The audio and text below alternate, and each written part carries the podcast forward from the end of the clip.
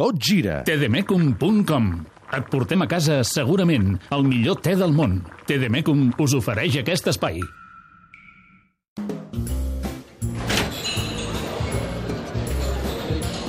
Mira, encara hi ha prou gent. Què tal, Lluís? s'ha esbarat l'ambient. Mira, estic ple de llànties, m'ha caigut el TDMECUM per sobre, sentint aquest representant jurídic del gremio, m'ha posat els pèls a punta. És que jo quan sí? sento parlar de tota aquesta trama brasilera, em, em, poso, em poso de més No ets, no ets bona. de- És, és tot sempre em- molt em- confús, M'altero eh? més que el Minguella, La, mira co- la confusió, eh? La confusió que sempre hi ha al voltant És que de... veure, veig la foto i tornem una altra vegada al camarote dels germanos Marx. I veus aquí a Coendré Curí, veus el nebot de Ronaldinho, Diego de Asís, que és el fill de Roberto de Lluís, Asís. encara se'n recorden, eh? Sí, sí. És que no, pot, no pot caminar per allà, per no és Porto Alegre. Jo he passejat per, Diu, no Porto, sé. jo he passejat per Porto Alegre amb, amb Ronaldinho i això que no pot passejar no és veritat. Ara, que no s'acosti per l'estadi del Gremio, això també és cert. Eh? Pel estadi del Gremio, perquè ell es va acollir el que aleshores s'anomenava la Lei Pelé, Mm. que donava mm, la possibilitat de si et venia una, un equip i oferia més diners del que cobraves de marxar lliure. I va ser el primer jugador brasiler que es va acollir a aquesta anomenada llei i va fotre el camp sense que, sense que el Gremio veiés allò un, un cruceiro pel, pel seu traspàs al París eh, Saint-Germain. I clar, li tenen, li tenen guardada des de- des d'aleshores. De, I clar, apareix aquesta fotografia amb la seva nova estrella emergent, amb, amb, amb Arthur. Just Ja- quan acaben de guanyar la Just quan Libertadores. acaben de guanyar la Libertadores, enfundat amb la, amb la remera, com diuen ells, del, del, del, del, del Barça, amb el director esportiu del Barça, o el secretari tècnic Robert Fernández, amb André Curí, que és l'ambaixador del Barça al Brasil, i amb el nebot de Ronaldinho, i aquesta gent de Grêmio se'ls posa els pèls a punta. Però és que això d'André Curí, això d'André Curí ja remunta a les èpoques d'aquell inefable fitx doble fitxatge de Keirson i Enrique. És veritat. És la mateixa empresa, Tràfic. És que ja no... Tu fixa't una empresa que es digui Tràfic, eh? que ja van intervenir en el tema d'Andre- de, de Keirson Enríquez, pels quals el Barça va pagar vora de 24 milions d'euros per dos jugadors que no van arribar pràcticament ni a debutar i un no va ser ni presentat que Harrison no va jugar mai. i no va ser ni presentat. Eh? Es, va fer, es va fer la foto protocolària aquella davant de l'escut i poca cosa més.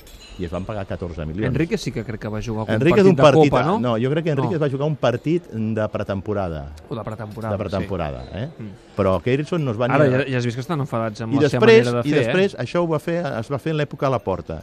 I després, en l'època Rossell, tornen a aparèixer aquests mateixos personatges en el fitxatge de, de, de, de Neymar. I no tan sols això, que després, amb tot el rambombori, tot l'olla de grills que va ser aquell fitxatge, un d'aquests personatges, André Curí, al Barça, se l'acaba agenciant perquè sigui el seu ambaixador i sigui el seu home fort al Brasil. I ara torna a aparèixer amb aquesta operació, jo la veritat. Diu que té un rei en la panza, eh? que és un arrogante. Bueno, clar, si vas allò a negociar en nom del Barça, doncs allò deus anar una mica sobrant, no? Davant, però vaja, els brasilers aquests et fan l'envolvente. Ta- També he tingut la Ja has sensació... vist ràpidament com t'han col·locat el preu de 50 milions d'euros, eh? Sí, per per un jugador, que per tinc un la- jugador, David, que no ha arribat a debutar ni a la selecció brasilera. Està, com, ha estat convocat darrerament per Tite, però no ha arribat ni a Home, debutar. 50 milions d'euros a mi em favor. sembla una barbaritat. Per És veritat que hi ha una inflació al mercat futbolístic que, mira, deuen provar, no? Però a mi m'ha fet la A mi sensació... és que m'ha cai, m'ha caigut el té, ja quan he sentit els 50 milions... Mira, que mira, aquesta enrabiada és una mica allò... He hagut de demanar el Febralín. Avantatgista, eh? De dir, va, doncs ara com que et poso la samarreta, doncs ara Barça eh, et demano 50 milions. Bé, el Barça sabrà que ha de fer. I entenc que el Barça eh, no, no pagarà diners a la lleugera. Tot i que ja m'ha explicat ara amb el Roger Bosà que l'opció d'Artur és la segona opció, que la primera opció és Coutinho. Mm, Jo Tot i que és difícil, el eh? veig, el, veig, el veig verd per ser la segona opció en aquests moments de, de, de Coutinho, per venir en aquest mercat d'hivern perquè el Barça té, jo crec que té una urgència de, de, de reforçar-se en aquest mercat d'hivern per trobar aquest complement de jugadors desequilibrant que no acaba de tenir a partir de la marxa de Neymar i, i, i amb la lesió de Dembélé, no? I aleshores el Barça ha quedat un pèl coix, és, una, és com una mena de, de, de taula de tres potes, no? Amb, amb, amb Messi, amb Suárez, però després li falta aquesta tercera pota.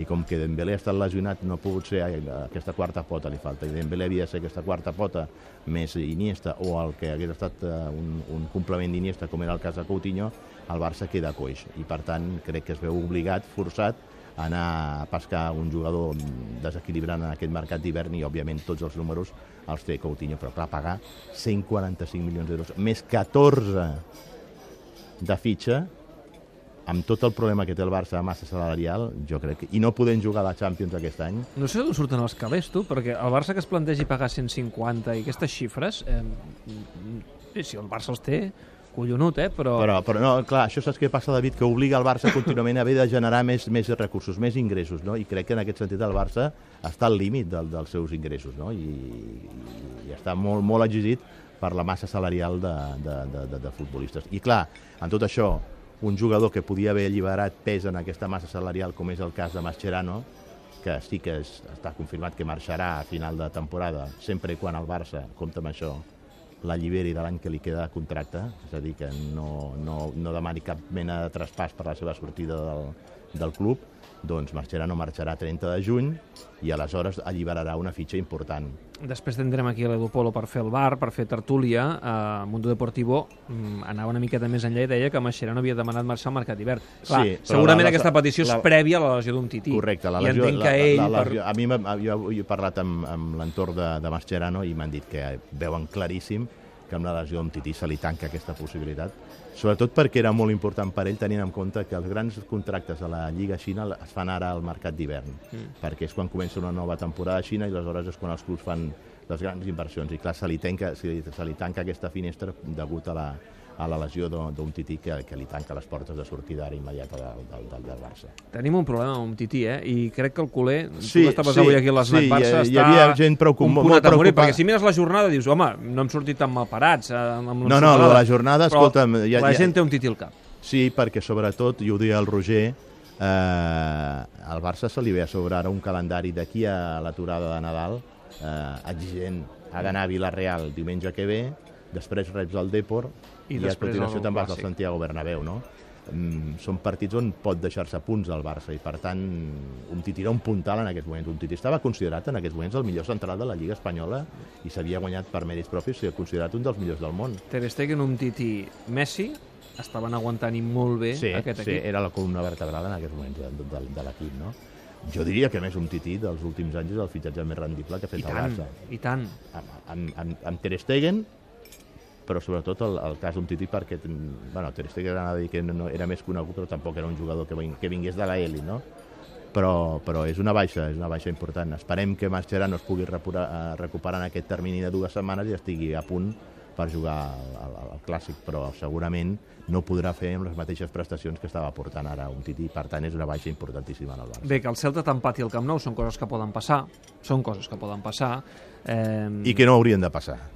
Sí, però fins ara el Barça també havia tret Sí, endavant, tant, sí. havia tret endavant Sí. partits que potser hagués hagut de perdre També, o empatar. això és veritat i t'ho compro. Ai, al que- final que- això és una balança. Jo, jo crec que és un partit on el Barça no va mereixer empatar, va mereixer guanyar. Per, Mhm. per ocasions de, de joc, no per, no per futbol desplegat. Messi estel·lar de nou, eh? Sí, Messi va Fent de estar... tot, i a vegades més, tan ràpid Bueno, que jo fer- crec que ni els seus propis companys a vegades el poden seguir. Va fer aquell coast to coast, que allà va estar un palet gana perquè tenia per la dreta molt desmarcat a Suárez i segurament la, millor opció hagués estat fer l'assistència, però si arriba a fer aquell gol, bueno, jo no sé si eh, Cristiano Ronaldo hagués guanyat la pilota d'or, no? El, el Puyol va començar a narrar la jugada i per un moment era una narració calcada del dia del Getafe. De la Getafe, no? Sí. De la Liga Sí. Getafe de fa quants anys? Perquè això era el 2008. Imagina't, Eh, i s'hi ha plogut. imagina't.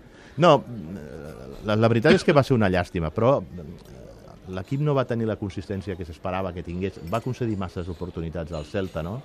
I, i va ser una llàstima perquè per ocasions Al final al davant hi havia un equip entrenat per un, jugador, per un entrenador, un suer que coneix molt el Barça. Jo tampoc crec que tingués tanta transcendència perquè el Celta venia moltes baixes, eh? Que un suer pugui conèixer el Barça, sí, coneix, té més avantatges que respecte a altres entrenadors, però vaja, avui en dia, tal com està el, el servei de scouting dels clubs, tothom es coneix, es coneix a tothom de, de, de pe a pa i poc és el marge que tens per les, per les sorpreses. Però, noi, la sort que en altres partits ens ha acompanyat, aquesta vegada se'ns ha negat, i per tant, doncs mira, et vas deixar dos punts que afortunadament s'han equilibrat a partir del, del, de l'empat del Real Madrid i de la inesperada derrota del València contra, contra el Getafe amb un home menys. Encara sort, encara sort que la jornada, mira, mm, n'hem sortit prou ben parats. L'únic que realment ha aprofitat la situació és l'Atlètic de Madrid i el Sevilla, que empata punts amb el Madrid. I el dissabte hi ha un Madrid-Sevilla. El Madrid, sense Ramos, sense Carvajal i sense Casemiro, sancionats tots tres, serà molt, molt patirà, interessant. patirà. eh? Però fixa't una cosa, David. Estem amb aquest marcatge Barça, Real Madrid, Real Madrid, Barça. Ahir estaves content pensant, ostres, mira, el, el Madrid ha punxat, no, no, no, no restarà punts. Sort que avui ha punxat el València, perquè si avui el València hagués guanyat, se't posa només a... Sí, perquè el culer es a- a- resisteix a a dos mirar el València, no? Perquè sempre mira cap, a, cap al Però Madrid. fixa't, amb aquests marcatges Barça-Madrid, de tant en tant s'han colat entremig el Deportiu a la Corunya, Però mira, precisament de Madrid, avui, el València... precisament avui, perdent el, el València, és quan he començat a veure clar que aquest València potser li falta alguna coseta més per ser No, alternativa València, real al títol de un Lliga. parell de Eh? setmanes recordo quan vam Aquest partit, per exemple, aquell Atlètic de Madrid que et guanya la Lliga, aquest partit el guanya. Sí, l'Atlètic de Madrid. I el València Home, avui l'ha perdut. Home, jo crec que aquell Atlètic de Madrid de fa tres temporades que guanya la Lliga o de quatre eh, era, era millor equip que aquest. Que Per això, que, que, que el València avui, jugant contra 10 Sí. des del minut 25 de la primera part, doncs no, I no ha sabut que es pot posar, i sapiguent Clar. que es pot posar dos punts. Per de- això és el que penso, tinc la sensació No. doncs, que aquest València no... Li falta però, un puntet però per... mira, l'Atlético que semblava que no hi comptaria aquest any, doncs Mm. mira, ja s'ha posat a 6 i és... I és Estan allà. Estan allà. Estan allà. Mira, jo Partido també dic una cosa, està bé que hi hagi jutges que animin una mica la Lliga, Sí, que si no això és molt avorrit. sí.